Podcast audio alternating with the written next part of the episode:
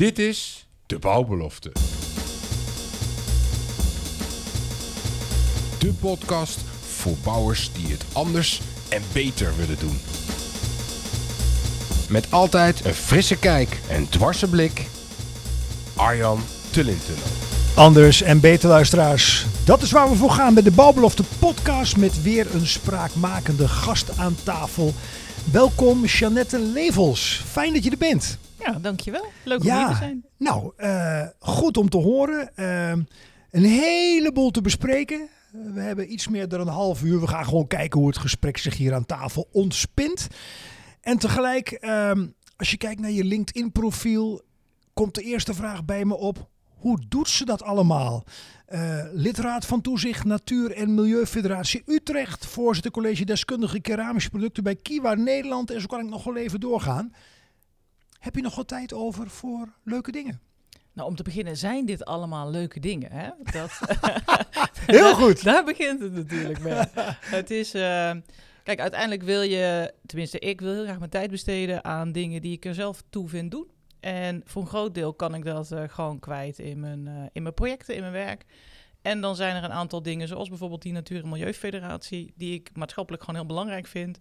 En dan wil ik ook wat ik kan bijdragen vanuit mijn kennis en ervaring, dat graag bijdragen, bijvoorbeeld in zo'n raad van toezicht. En daar krijg je ook weer heel veel waardevolle uh, contacten en netwerk voor terug. Uh, het zijn, als ik zo ja. goed tel, acht uh, nevenfuncties, mag ik het zo zeggen? Ja, sommige zijn nevenfuncties, sommige doe ik ook echt vanuit mijn werk bij LBP Mooi. Site. Ja. En als je dan toch een keuze mag maken, je hoeft hem niet te maken, welke van die acht springt er dan uit waar je echt van zegt, hé, hey, dat, dat, daar haal ik heel veel voldoening uit. Je haalt ze uit alle acht natuurlijk, dat snap ik heel goed. Maar welke, welke springt eruit voor je? Ja, voor mij zijn ze zo met elkaar verweven dat dat best een hele moeilijke vraag is. Het is bijna net zo moeilijk als wat is je favoriete liedje? Dat vind ik ook altijd zo'n ondoenlijke vraag. Hè? Dan moet je weer ergens een top drie inleveren. Ja. Laat staan één. Um, maar ik ben natuurlijk al 25 jaar, hou ik me bezig met milieu-impact in die bouw, wereld, maakindustrie. En eigenlijk zie ik dat de maatschappelijke problemen die daaromheen hangen, uh, daar probeer ik aan te werken. Uh, maar wel vanuit de, het hart van die uh, bouw en van die maakindustrie. En eigenlijk alle dingen die daarmee samenhangen, of dat nu mijn werk is voor, voor, voor mijn bureau, LBP Site, of inderdaad bijvoorbeeld het werk voor Circo of Circonnect, wat ik zelf ook enorm veel toegevoegde waarde vind hebben. Het is altijd vanuit die context. Dus voor mij horen ze heel erg bij elkaar. Dat is een interessante. Uh, meerdere al hoor ik. Je zegt bouw- en maakindustrie. Ja. Terwijl klassiek gezien, als je kijkt naar de Kamer van Koophandel inschrijvingen, praat je over bouw- en installatiebranche. Van waar jouw koppeling met bouw- en maak, van bouw- en maakindustrie? Uh, omdat bijna alle producten, kijk, dat, dat, dat is het interessante aan de bouw. Hè. Dat zijn eigenlijk twee ketens die bij elkaar komen op het moment dat er een bouwwerk ontstaat hebben het hele proces van het ontwerp van een bouwwerk. Wat we eigenlijk uh, vooral zien in de keten, uiteindelijk realisatie door die aannemers en die installatiebranche. Maar al die producten die zij verwerken, die worden natuurlijk gewoon in een industrie ook gemaakt. Ja. Um, en ik heb me eigenlijk altijd met beide uh, sectoren bezig gehouden, omdat ik vanuit die milieu-impact kant kom. Dus dan gaat het toch om de fysieke producten die in feite een belangrijk uh, deel van die milieu-impact uh, veroorzaken. En dan zie je het spannende bij de bouw. Als je kijkt naar circulair ontwerpen, hè, uh, Europese studie, vaak aangetoond, ongeveer 80% van de milieu-impact zit in het ontwerp. En zit het dan in het ontwerp van de bouw of zit het dan in het ontwerp van het product? Dat is een interessante. Nou ja, en nou ja, dat is precies het snijvlak waarom voor mij die bouw- en die maakindustrie eigenlijk heel erg bij elkaar horen en er veel meer crossovers gemaakt zouden moeten worden. En, en het mooie is, je zegt, uh, daar ben je al 25 jaar mee bezig. Ja. En, en, en uh, terug naar 50 jaar geleden, zo in de loop der jaren, kun je dan schetsen, misschien in vogelvlucht, welke ontwikkelingen jij zo al uh, gezien hebt? Om te beginnen de vraag die bij me opkomt, uh, zeg maar 20, 50 jaar geleden was er toen ook al uh, oog en oor voor, voor het denken waar je het net over had. Hè? Dat, dat ja, het ontwerp zo bepalend is uiteindelijk voor de klimaatimpact, als ik hem goed vertaal. Nee, niet, zeker niet in, in, in zo'n koppeling. Hè, dat het ook uh, echt op beleidsniveau bij elkaar is gekomen. Dat is wel echt, denk ik, een ontwikkeling die de laatste tien jaar uh, heel erg heeft plaatsgevonden. 25 jaar geleden stonden we echt aan het begin van het denken over milieu-impact van producten. En uh, het hele beleidsdomein van klimaatverandering en volhoudbaarheid, duurzame ontwikkelingen, de, de definities van people, planet, profit. Dat was natuurlijk ook een lijn die al wel heel erg aanwezig was, die aan het ontwikkelen was. Daar werd heel erg naar industrie en bedrijven gekeken. Wat kunnen die daaraan bijdragen? Maar de koppeling dat je dat uiteindelijk ook in ketens en in het ontwerp bij elkaar moet brengen. Ja, dat hebben we echt wel vanuit het hele denken in uh, in, in die circulaire economie, uh, met, met initieel misschien de cradle-to-cradle beweging, zijn we wel meer op die manier naar systemen gaan kijken.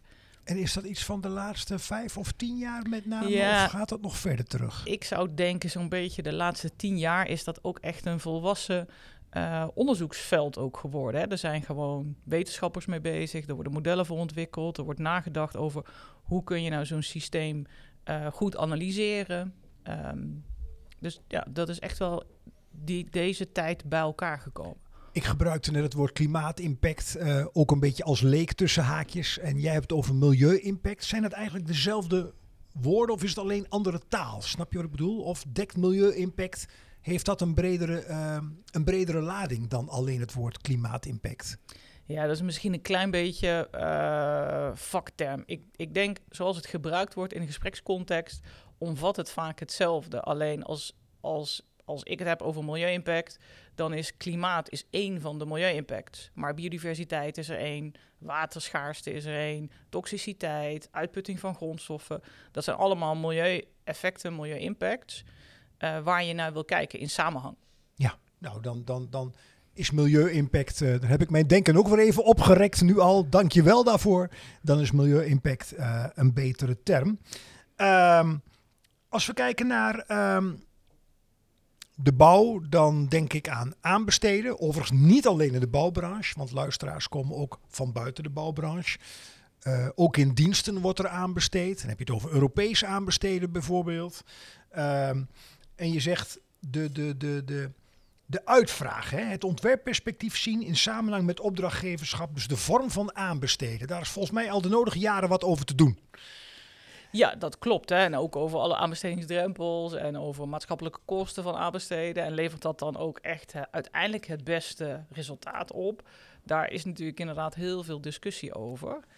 Um, en, en, en zie jij die discussie... Um, de term MVI komt zo even binnen. Economisch meest voordelige inschrijving. Ja, en, en ik heb ook het beeld vanuit eigen werkervaring, buiten mijn rol als podcast-host, dat uiteindelijk gaat het om de P van prijs. Of sla ik hem nu te veel plat? Het wordt anders gebracht, maar uiteindelijk gaat het om de prijs. Uh, soms. Okay. Uh, ik zie toen we, nou misschien ook al wel tien jaar geleden, een beetje begonnen met de eerste aanbestedingen met de CO2-prestatieladder. En dat was nog uh, uh, heel erg zoeken naar hoeveel procent gunningskorting geef je nou voor welke prestatie. Um, nou, aannemers snappen dat spelletje natuurlijk. Die analyseren tenders. Dus die kunnen gewoon op een gegeven moment opschrijven. Nou, zoveel kilo CO2 of zoveel milieukostenindex is zoveel euro waard.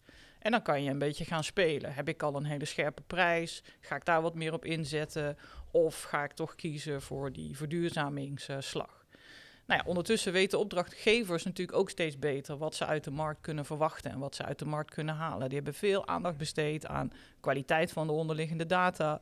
Um, dus laten we zeggen, al die rekentrucjes, die zijn ondertussen wel een beetje in beeld. Dus wat je nu ziet is dat opdrachtgevers die hier echt voor willen kiezen, die kunnen best wel die MV zo scherp zetten dat je er iets mee moet. Dus dat het meer is dan uh, mooie taal of window dressing of greenwashing, ook maar vaktermen die je nu veel ziet. Ze gaan hun bandbreedtes uh, scherper stellen. Ik ben uh, langs een aantal trajecten betrokken bij verschillende tenders voor parken, windpark op de Noordzee. Daar gaat natuurlijk heel veel materiaal in. daar gaan ook heel veel diensten in. Um, en daar zie je dat Tennet gekozen heeft om aan te besteden ook met de milieukostenindex.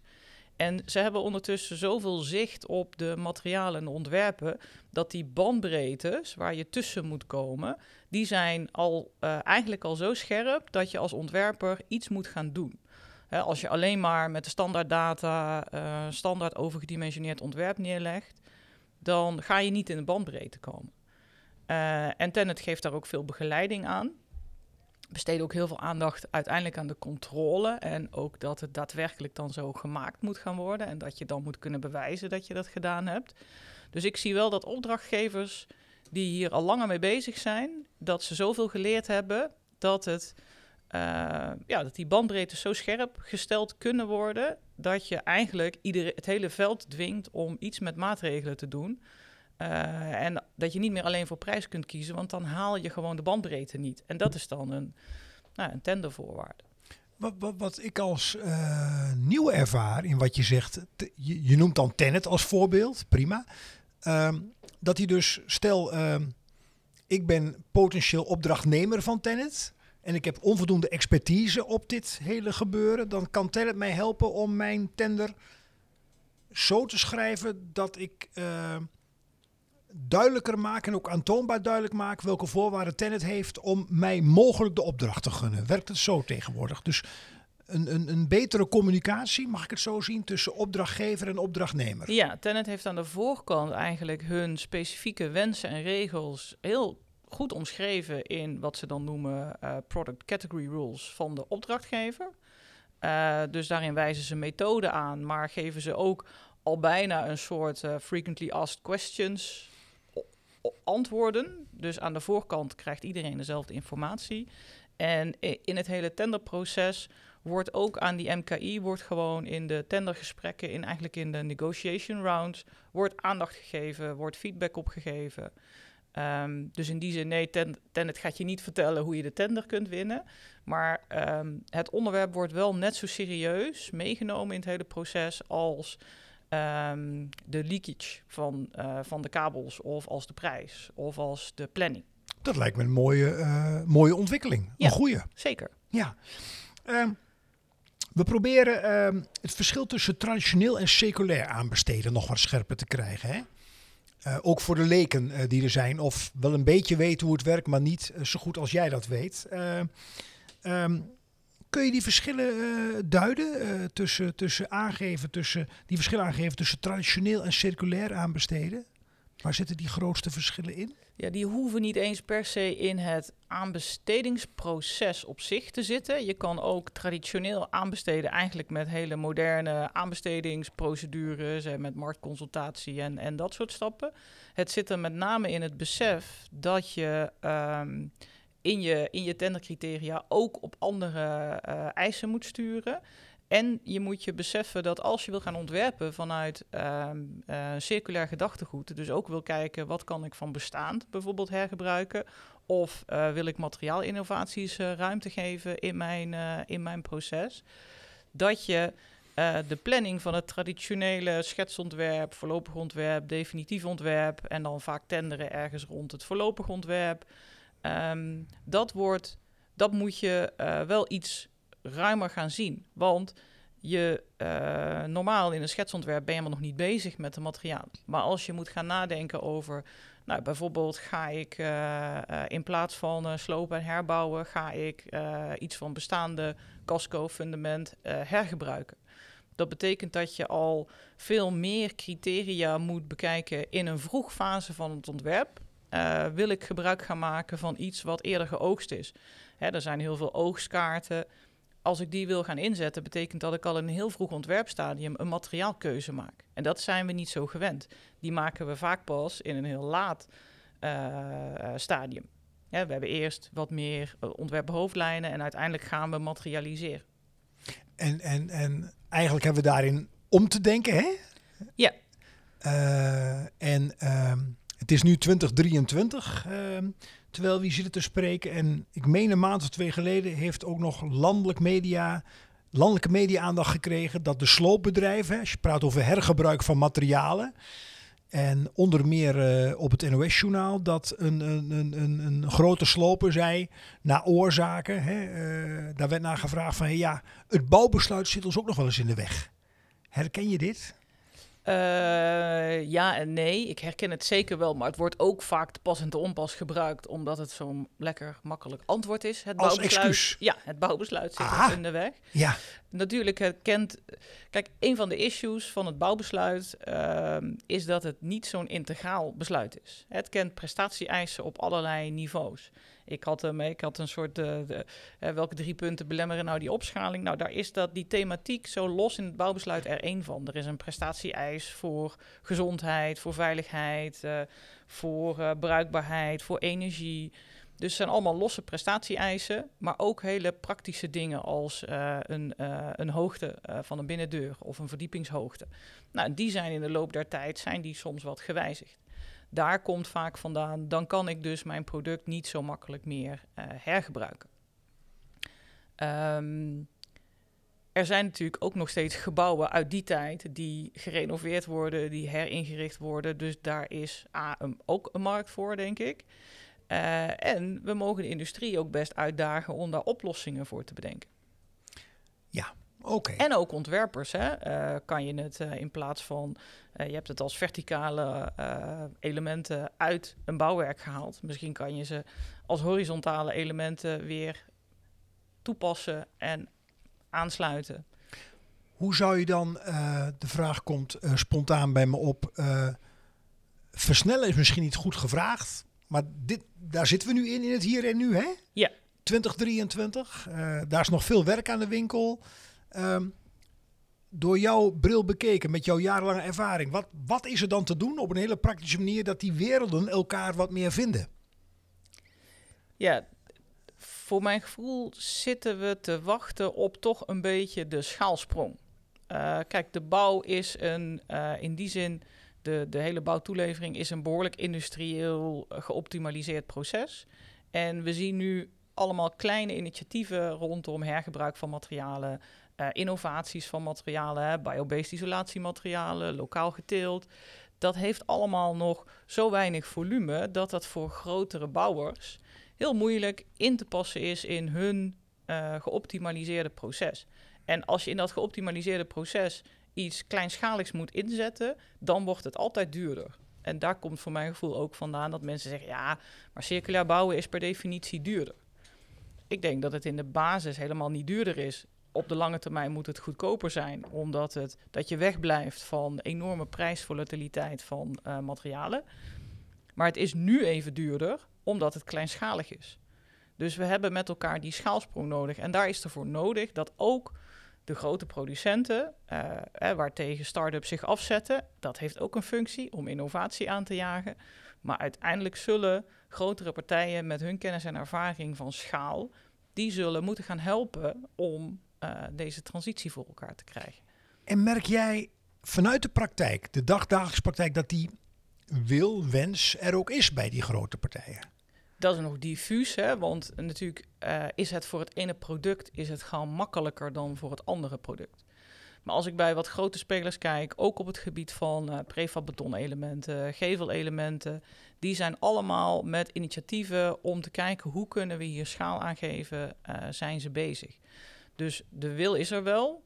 Um, voor installatiecomponenten ligt het misschien nog net even wat anders, omdat er relatief jonge technologieën eigenlijk grootschalig worden toegepast. Warmtepompen, uh, zonnepanelen, uh, eventueel batterijen.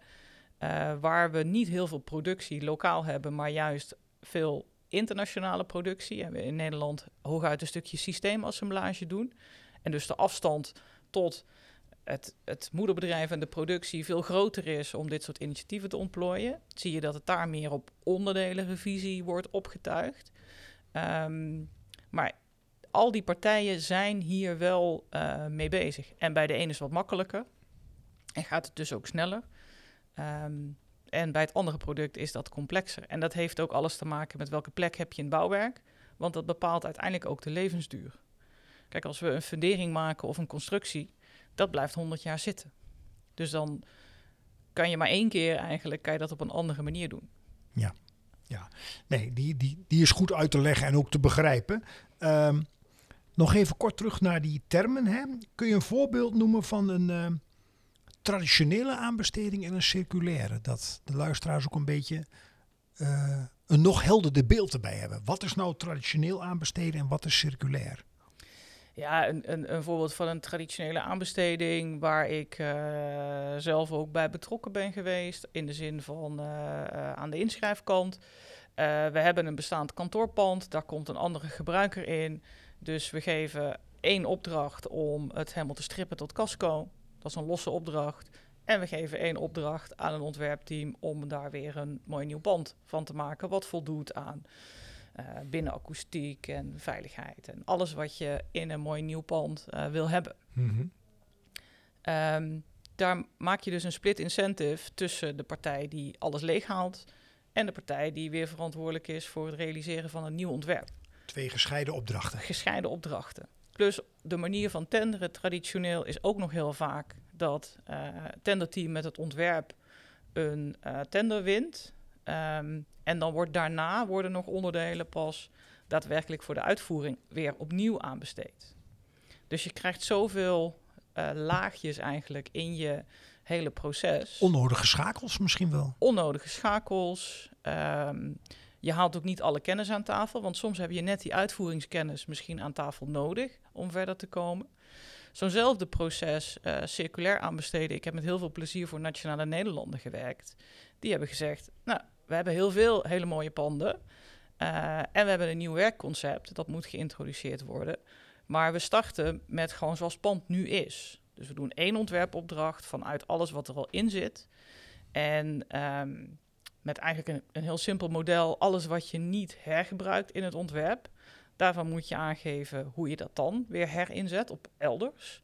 En als dat niet lukt, dan krijg je daar een soort strafpunten voor in je voorstel. Die hebben ontwerpers gevraagd en vervolgens zijn we met ateliersessies gaan kijken welke partijen kunnen hier nou het beste mee uit de voeten. Want op dat moment vraag je namelijk niet alleen een ontwerp van een partij die bijvoorbeeld binnenwanden gaat uh, zetten, maar ook een heel logistiek proces. Want de wanden staan er al. En uh, misschien is vloer 12 nog langer in gebruik, maar wil jij net wel die wanden hebben? Hoe ga je dat organiseren? Hoe ga je die logistiek organiseren?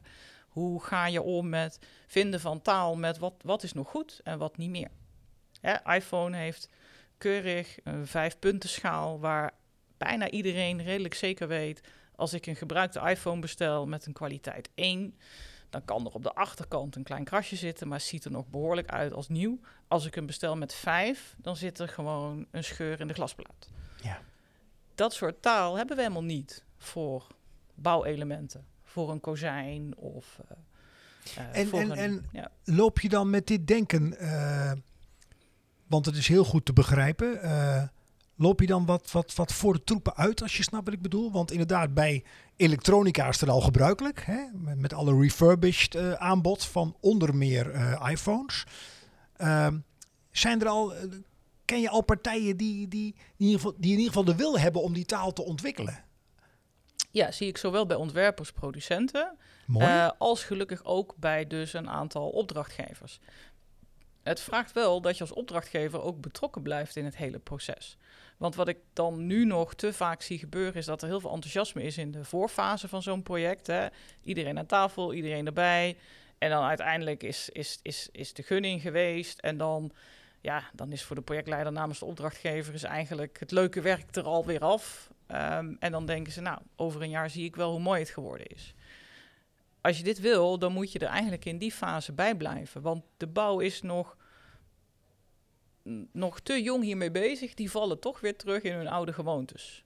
Dus die lopen ergens tegenaan en die denken, oh, wat een gedoe allemaal. Kan het ook gewoon uh, eruit gooien en dan bestellen we het nieuw. En dan de mensen die aan zijn tafel zitten, op dat moment, dat bouwteam overleg, die vinden dat allemaal een goed idee. Want het is sneller klaar, ik weet wat het kost, geen risico. Dus als je op, als opdrachtgever iets anders wil, dan moet je dus ook organiseren dat, dat je ja. daarbij bent. Ja, da daar is nog veel werk aan de winkel, stel ik me zo voor. Ja, maar er is ook wel veel enthousiasme voor. En er komen steeds meer voorbeelden die je natuurlijk ook... Je hoeft ook niet elke keer het wiel opnieuw uit te vinden. Dat probeer ik ook wel uit te leggen aan opdrachtgevers bij de overheid probeer niet als elke stad, als elk dorp, als elke uh, technische dienst weer helemaal het wiel opnieuw uit te vinden. Ja, dat is een uh, vandaar dat ik ook even stil ben. Dat is een thema op zich, want daar, daar zijn met name grote organisaties, uh, zowel in profit als non-profit, heel erg goed in. Klopt. Het leren van elkaar, zoals het dan genoemd wordt, dat, dat, dat is fascinerend dat dat nog steeds zo weinig gebeurt na verhouding. Ja. Ik zeg bewust weinig na verhouding. Ehm, er is beweging, hè? want de bouw, uh, daar had je al even over, die, die, die, die is ook zeker innovatief. Ehm, VDL, wel bekend bij iedereen, uh, vooral dankzij Netcar en het maken van de bussen, heeft uh, de mail overgenomen uit Oorschot. Ja. De, de, de, wat maakten ze ook alweer? De, de, de... Ja, ik kom uit Brabant, dus vroeger zeiden wij bouwketen. Dat woord was ik even kwijt. Want ik ben ooit bij Heer als Hekwerk begonnen en beide zitten in Oorschot. Ja. Mooi in mijn werkzame leven. Uh, dat is wel een mooie combinatie, uh, maar die zijn met leuke dingen bezig. Zeg ik dat zo goed? Klopt, die hebben zich. Um, dat is voor, is voor mij een signaal dat dat industrieel bouwen van modulaire woningen, uh, dat dat echt in een stroomversnelling is gekomen. Want Vertel er eens wat bij. Zij gaan hun industriële kennis, want uh, VDL wellicht voor de meeste mensen inderdaad bekend van Netcar. Maar als je wat langer in de maakindustrie meeloopt, dan ja, als je in Brabant VDL roept, dan hebben heel veel bedrijven hebben dat op de gevel staan. Die zitten echt, hebben zoveel bedrijven in die maakindustrie die van kleine tot grote producten maken. Dus die hebben enorm veel kennis in hoe je dat op een slimme manier doet. Hoe ontwerp je een product? Hoe optimaliseer je een product? Hoe zorg je ervoor dat je dat met een werkend businessmodel de deur uit krijgt, dat je service en onderhoud kunt leveren, lange termijn met je product bezig zijn. Dat is een totaal andere manier dan hoe een ontwerpteam naar het bouwwerk kijkt. Want die hebben natuurlijk randvoorwaarden, maar voor hun stopt ook het project als bouwwerk gerealiseerd is. Voor een industriële partij stopt niet het project als een product de fabriek uit is. Want je wordt geacht dat product als een product te servicen en je wil dat de volgende keer de klant bij jou weer dat product koopt. Dus zij gaan met een andere mindset, gaan zij modulebouw uh, ontwikkelen. Wat ik nog vaak zie is dat industriële bouw eigenlijk is een bouwplaats binnen. Dus binnen loopt de timmerman, uh, de metselaar, de elektricien, lopen allemaal om elkaar heen om eigenlijk in een grote hal een bouwwerk te maken in plaats van buiten. Dat is, dat is op heel veel punten al een vooruitgang. Maar dit soort partijen gaan het daadwerkelijk industrieel aanpakken. Ja. Dus een platformgedachte, een modulair proces, automatiseren, opschalen. Um, dus dit betekent dat er de komende jaren echt ontzettend veel woningen gewoon uit dit soort fabrieken gaan komen. Ja, en dan maakt dus in dit voorbeeld de Meeuw duidelijk, uh, gebruikt heel duidelijk op een goede manier de kenniservaring van een VDL-groep om wel die opschaling mogelijk te maken. Om eigenlijk die, die, die waar de industrie goed in is, te combineren met uh, waar de bouw goed in is. Hè. In de bouw gaan innovaties, denk ik, soms best een beetje sneller, omdat elk project een nieuw project is. Um, maar dat gecombineerd met kennis en ervaring vanuit de industrie om lange termijn bezig te zijn met een product, meer over de hele levenscyclus van een product denken.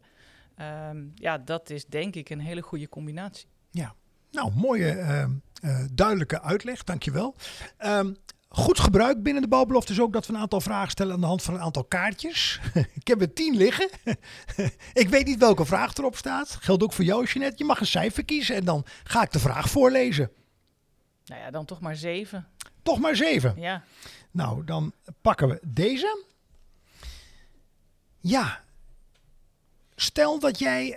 Um, dat er geen beperkingen zouden zijn hè? In, in, in, in koppelen aan je vakgebied. Van ik kan er meerderlei uitleggen. Um, wat zou je dan in het hier en nu doen om die gewenste versnelling, waar we het al over hebben in deze podcast, nog wat meer handen en voeten te geven? Dus de beperkingen loslatend. Ja, als we de, de beperkingen loslaten, um, dan denk ik dat we ons bouwbesluit integraler moeten maken uh, weg moeten van losse prestatie-eisen op materialen en energie. Want uiteindelijk bepalen ze samen de milieu-impact van een bouwwerk. Um, dan zou uh, het vanuit een ontwerpperspectief zou je nooit alleen een architect uh, hebben, maar ook daadwerkelijk aan tafel moeten zitten met de partijen die, die straks het product moeten gaan maken wat jij, waar jij mee aan het ontwerpen bent. En we moeten af van ehm, split incentives over de hele levenscyclus van een bouwwerk. We hebben een team wat het ontwerpt, we hebben een team wat het bouwt. Vervolgens gaat het naar een belegger, dan krijgt die huurt weer iemand in die het gaat onderhouden. Dan heb je soms een gelukkige, soms een arme gebruiker. Een beetje afhankelijk van het serviceniveau van de partij die ingehuurd is. Uh, en uiteindelijk wordt het weer als een losstaand project, wordt het ooit weer gesloopt. En ergens moet je, denk ik, misschien wel in de wet organiseren dat dat niet kan. Dus dat er een soort producentenverantwoordelijkheid voor het bouwwerk komt. Ik hoor die in volgevlucht uh, opnieuw duidelijk voor vier punten noemen. Als ik er eentje oversla, moet je het zeggen. Uh, en ik denk dan tegelijkertijd, jongens, dit hoeft geen kabinetsperiode te duren. Dit heb je uh, binnen uh, twee jaar door een Tweede en Eerste Kamer om inderdaad in de wet vast te leggen. Of ga ik dan, ben ik dan iets te optimistisch? Um, je gaat tegen details aanlopen. Maar als we dit al met elkaar als insteek zouden hebben, ja, wij gaan dat de komende kabinetsperiode regelen, dan uh, ben ik ervan overtuigd dat het kan. En er zijn ongetwijfeld allerlei juridische details met Europese regelgeving, maar dan kunnen we dit regelen. En dan gaan we echt een andere bouw, uh, bouwindustrie krijgen. En dit is even vanuit de gedachte zonder beperkingen, van welke aard dan ook. Ja. En dan daarop door associërend, uh, wat, wat, houdt, uh, wat houdt het in praktische zin tegen, als je daar iets over kunt zeggen? Dus dan kom je automatisch op die beperkingen uit. Ja, dat zijn toch uh, de ingeroeste patronen. Um, al die schakels die nu betrokken zijn in dat proces, uh, die hebben daar hun eigen domein, hun eigen businessmodel en hun eigen werkelijkheid. Um, dat ga je niet doorbreken, uh, uh, niet zo snel doorbreken als je dat gewoon project voor project probeert te veranderen. Hè, kijk, de hele basis van Circonnect is juist die kennisvalorisatie, dus zorgen dat we leren van elkaar en dat blijven doen. Uh, met bedrijven, met kennisinstellingen, met allerlei partners. Uh, maar dat is uiteindelijk een traag proces. Dan moet je heel veel massa maken, wil je het uh, kantelpunt bereiken. Als je daar iets meer aan de wetgevingskant in zou sturen, door simpelweg te zeggen, ja, we gaan het bouwbesluit meer integraal naar dingen laten kijken. We gaan bij producentenverantwoordelijkheid niet alleen over producten nadenken, dus niet alleen een producentenverantwoordelijkheid voor de warmtepomp, maar het gaat om producentenverantwoordelijkheid voor het bouwwerk en daar iets voor bedenkt, dan gaat het sneller. Want dan dwing je, uh, dan wordt dat de nieuwe werkelijkheid. En dat wordt hij toch, alleen ja, wordt hij dat over vijf jaar, tien jaar, twintig jaar? Of kan je hem daadwerkelijk versnellen met regelgeving? Vaak volgt regelgeving natuurlijk ontwikkeling. En hier vraag je eigenlijk van een overheid, probeer nou eens het in te zetten om iets te versnellen. Hoor ik je daarmee zeggen, want dan wil ik je niet sturen, juist die, die, die mix noem ik het maar even, tussen wet en regelgeving hè?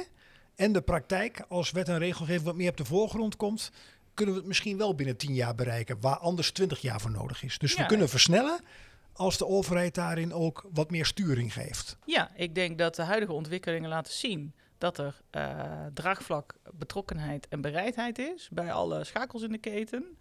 Um, en dat je dan daadwerkelijk kunt versnellen met regelgeving. Ja. ja.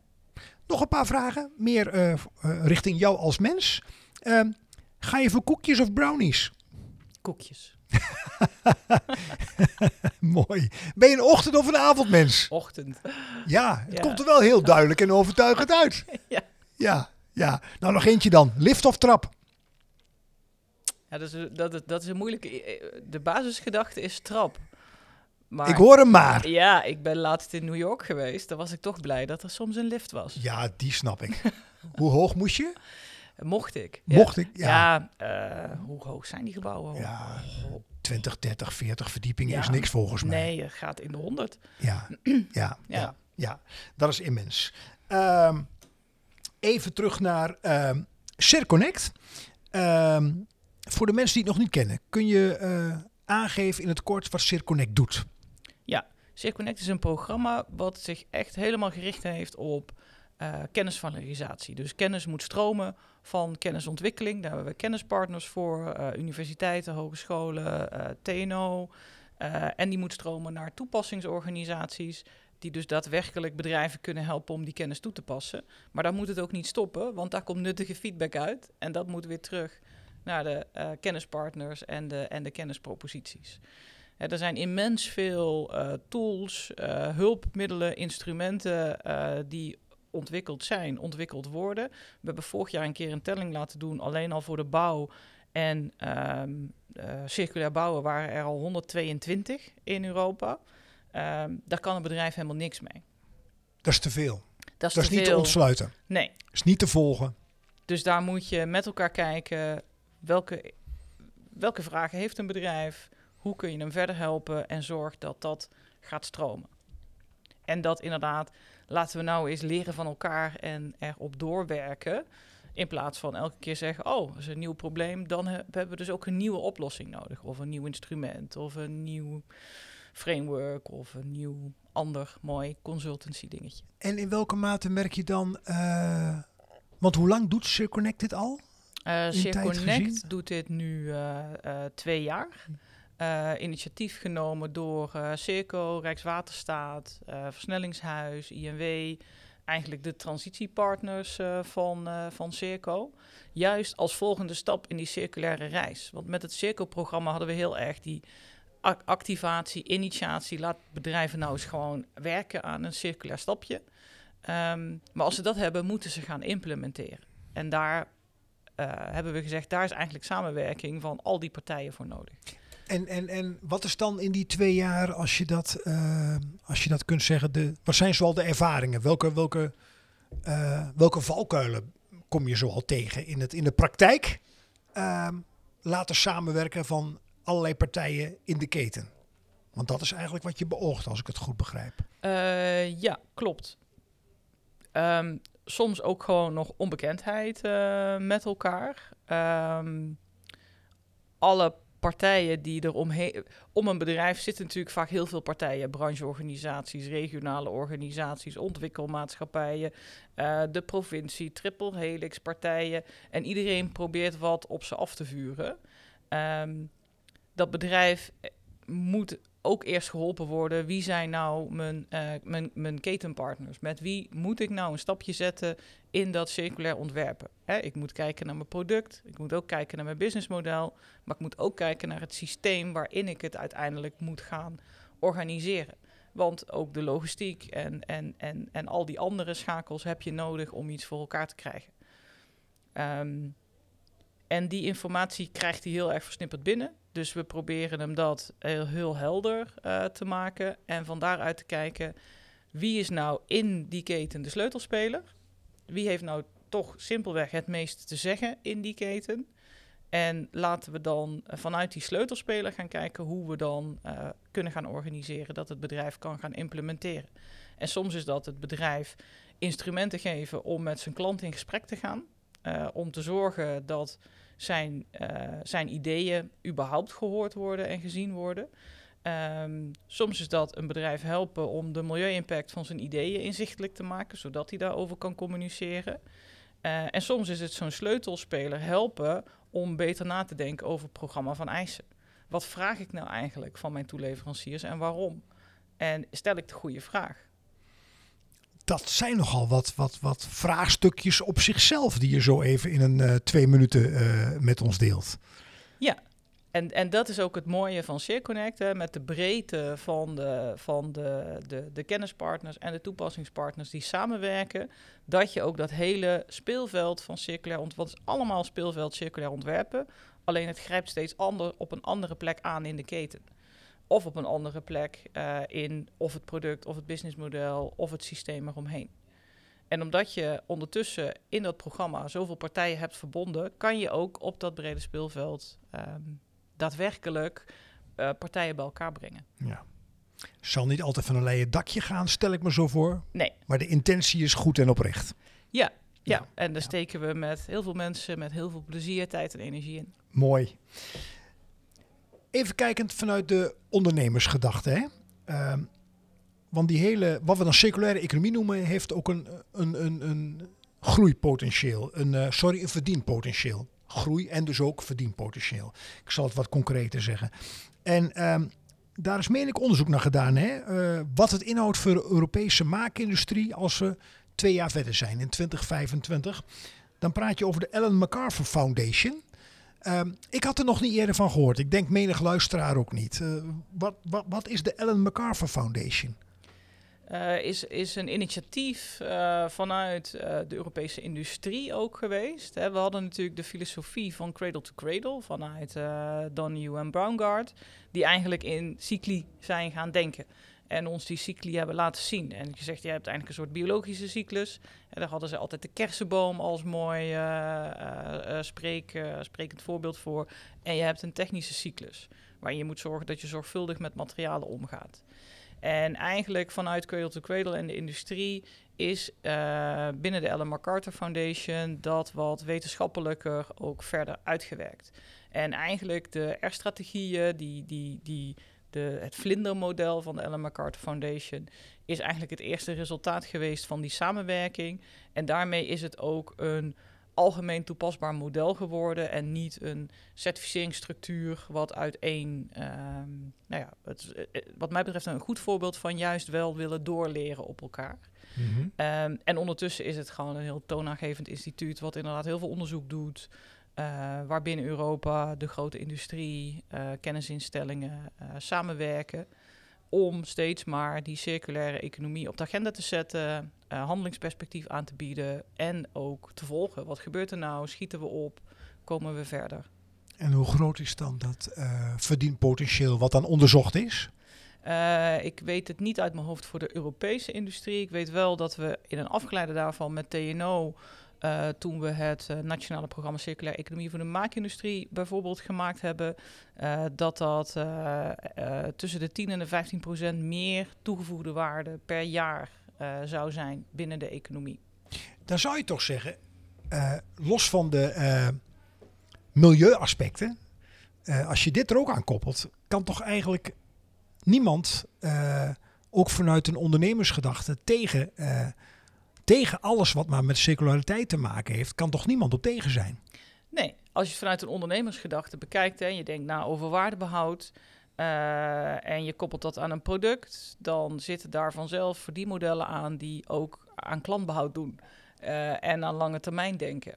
Um, alleen het ombuigen van een uh, bestaanssysteem wat gericht is op voorfinancieren van de voorraden, iets maken en een transactie, ja, dat is best wel complex. Om dat om te buigen naar een ander systeem, waarbij je misschien ook naar andere verdienmodellen moet gaan. En het roept bij mij ook op, kun je dan ook iets zeggen, en als dat buiten je expertise gaat, alle begrip, Jeanette. Kijken naar hoe we, hoe we bedrijven waarderen. Hè? Kijk naar de rol van accountants. Kijk naar accountancyregels als generalist op dat vakgebied, dat zeg ik erbij, is dat al zo oud als uh, nou ja, misschien wel eind 19e eeuw. Met begrippen als liquiditeit, solvabiliteit, rentabiliteit, merk je. Uh, zou het helpen dat daar ook een, uh, een beweging in gaande is? Want het is maar net hoe je dus dingen waardeert. Klopt. Ja, en, en de beweging in de waardering is misschien nog niet gaande, maar wel de aanzet. Om te waarderen heb je data nodig. En het voordeel van het eerste systeem wat je noemde is dat iedereen, alle systemen zijn er ingericht om daarop te vertrouwen. De, de protocollen die daaronder liggen, uh, rentabiliteit, dat getal. Iedereen weet dat het op dezelfde manier bepaald is. Alleen het blikt wel alleen maar terug, hè? Want dat doet een accountant feitelijk. Ja, dat doen we ook met de beweging die nu in is gezet. Hè, vanuit ESG, vanuit rapportageverplichtingen, uh, vanuit Europa, uh, vanuit allerlei productregelgevingen gericht op milieu-impact van producten. Gaan we in ieder geval ervoor zorgen dat het getal wat we communiceren dat dat net zo betrouwbaar wordt als solvabiliteit, rentabiliteit, uh, okay. uh, winst voor belasting. Dus dat we dezelfde regels hebben uh, met dezelfde datakwaliteit in processen. die getallen kunnen produceren. En ik denk wel dat dat de eerste belangrijke stap is naar dan überhaupt kunnen gaan waarderen. Merk je dan ook dat, kijk naar de naar de, het is al even, we hebben kennisinstellingen, dat woord viel al even. Of dat nou MBO, HBO, WO is. Kijk naar finance opleidingen. Uh, merk je dat er al gehoor voor is dat ook studies, opleidingen daarop aangepast worden? Uh, ja, ik weet bijvoorbeeld de Universiteit van Maastricht uh, heeft door alle vakken heen, ook alle economische vakken, hebben ze nu aandacht voor circulariteit. Er is al veel langer een vereniging van milieuaccountants, dus die hele milieuaccountancy is ook al langer in ontwikkeling. Um, en ook als ik kijk naar de grote fiscale opleidingen, Rotterdam, Tilburg, dan zie ik dat nog niet in alle vakken. Maar ik zie wel, als ik kijk naar de, de, de promotieprofielen, de onderzoeken die weggezet worden, dat een belangrijk deel van die onderzoeken wel gaan over dit, wat uiteindelijk dan toch ook een fiscaal vraagstuk is, gaat. Dus ik, ik zie wel dat daar wat in beweegt. Um, maar in die zin zouden we het, net als Maastricht, wel door alle vakken heen uh, moeten doen. Het Want begin is er. Nu leiden we een soort twee, twee profielen op. Ja. Ja. Ja, ja, ja. Maar ja, zo zijn we ook begonnen. Ik heb van huis uit chemische technologie gedaan.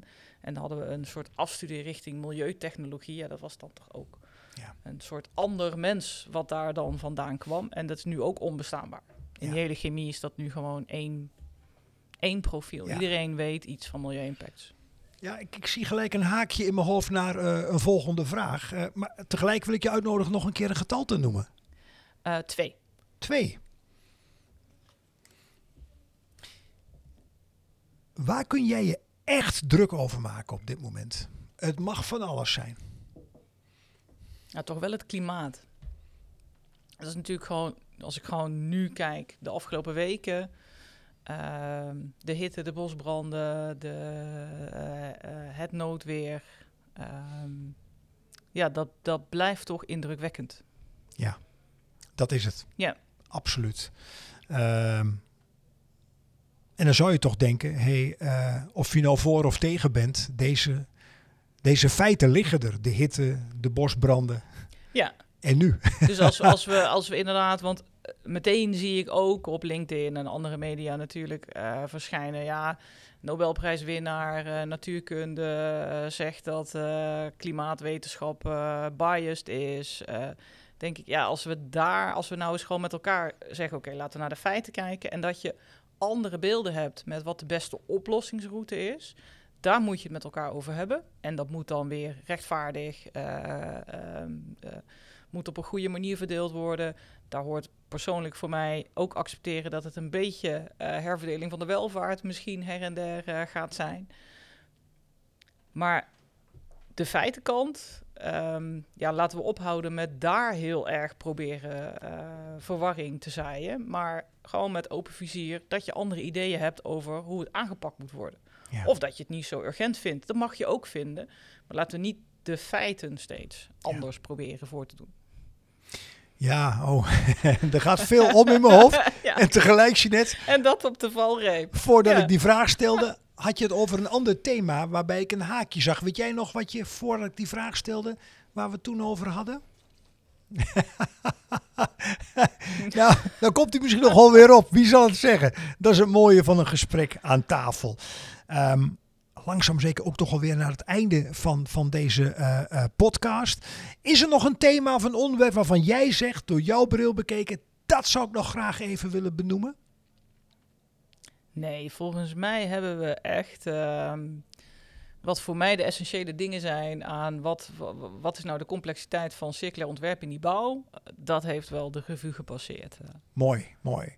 Ja, ik vind het ook mooi dat we de financiële componenten bij konden betrekken, want ik geloof er ook wel in en dat hoor ik ook wel uh, bij jou doorklinken. We moeten naar een, ja, ik heb even geen ander woord, die integrale aanpak. Ja, het zou haast beleidstaal kunnen zijn, maar zo bedoel ik hem niet.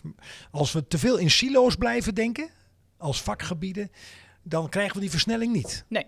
Is dat een goede conclusie naar ja. aanleiding van deze podcast? Vraagt een beetje ook over je eigen schaduw heen stappen. Precies. En dan daar hoort bij ook iets aan willen nemen van die ander. Ja. En ook bereid zijn om op je snuffer te gaan. Ja, maar dat, hoort, dat, dat vinden ondernemers volgens mij helemaal niet zo erg. Nee, dat klopt. Want dat doen ze. Ja, ja. ja. Ja, ja, oké. Nou, uh, ja, dan zijn we toch echt aan het einde gekomen. Dankjewel, uh, Jeannette Levels. Fijn dat je er was. En je hebt uh, het denken van mij en de luisteraars weer een beetje opgerekt over dat begrip circulaire economie. Ehm, ik sluit af met de woorden tot de volgende bouwbelofte.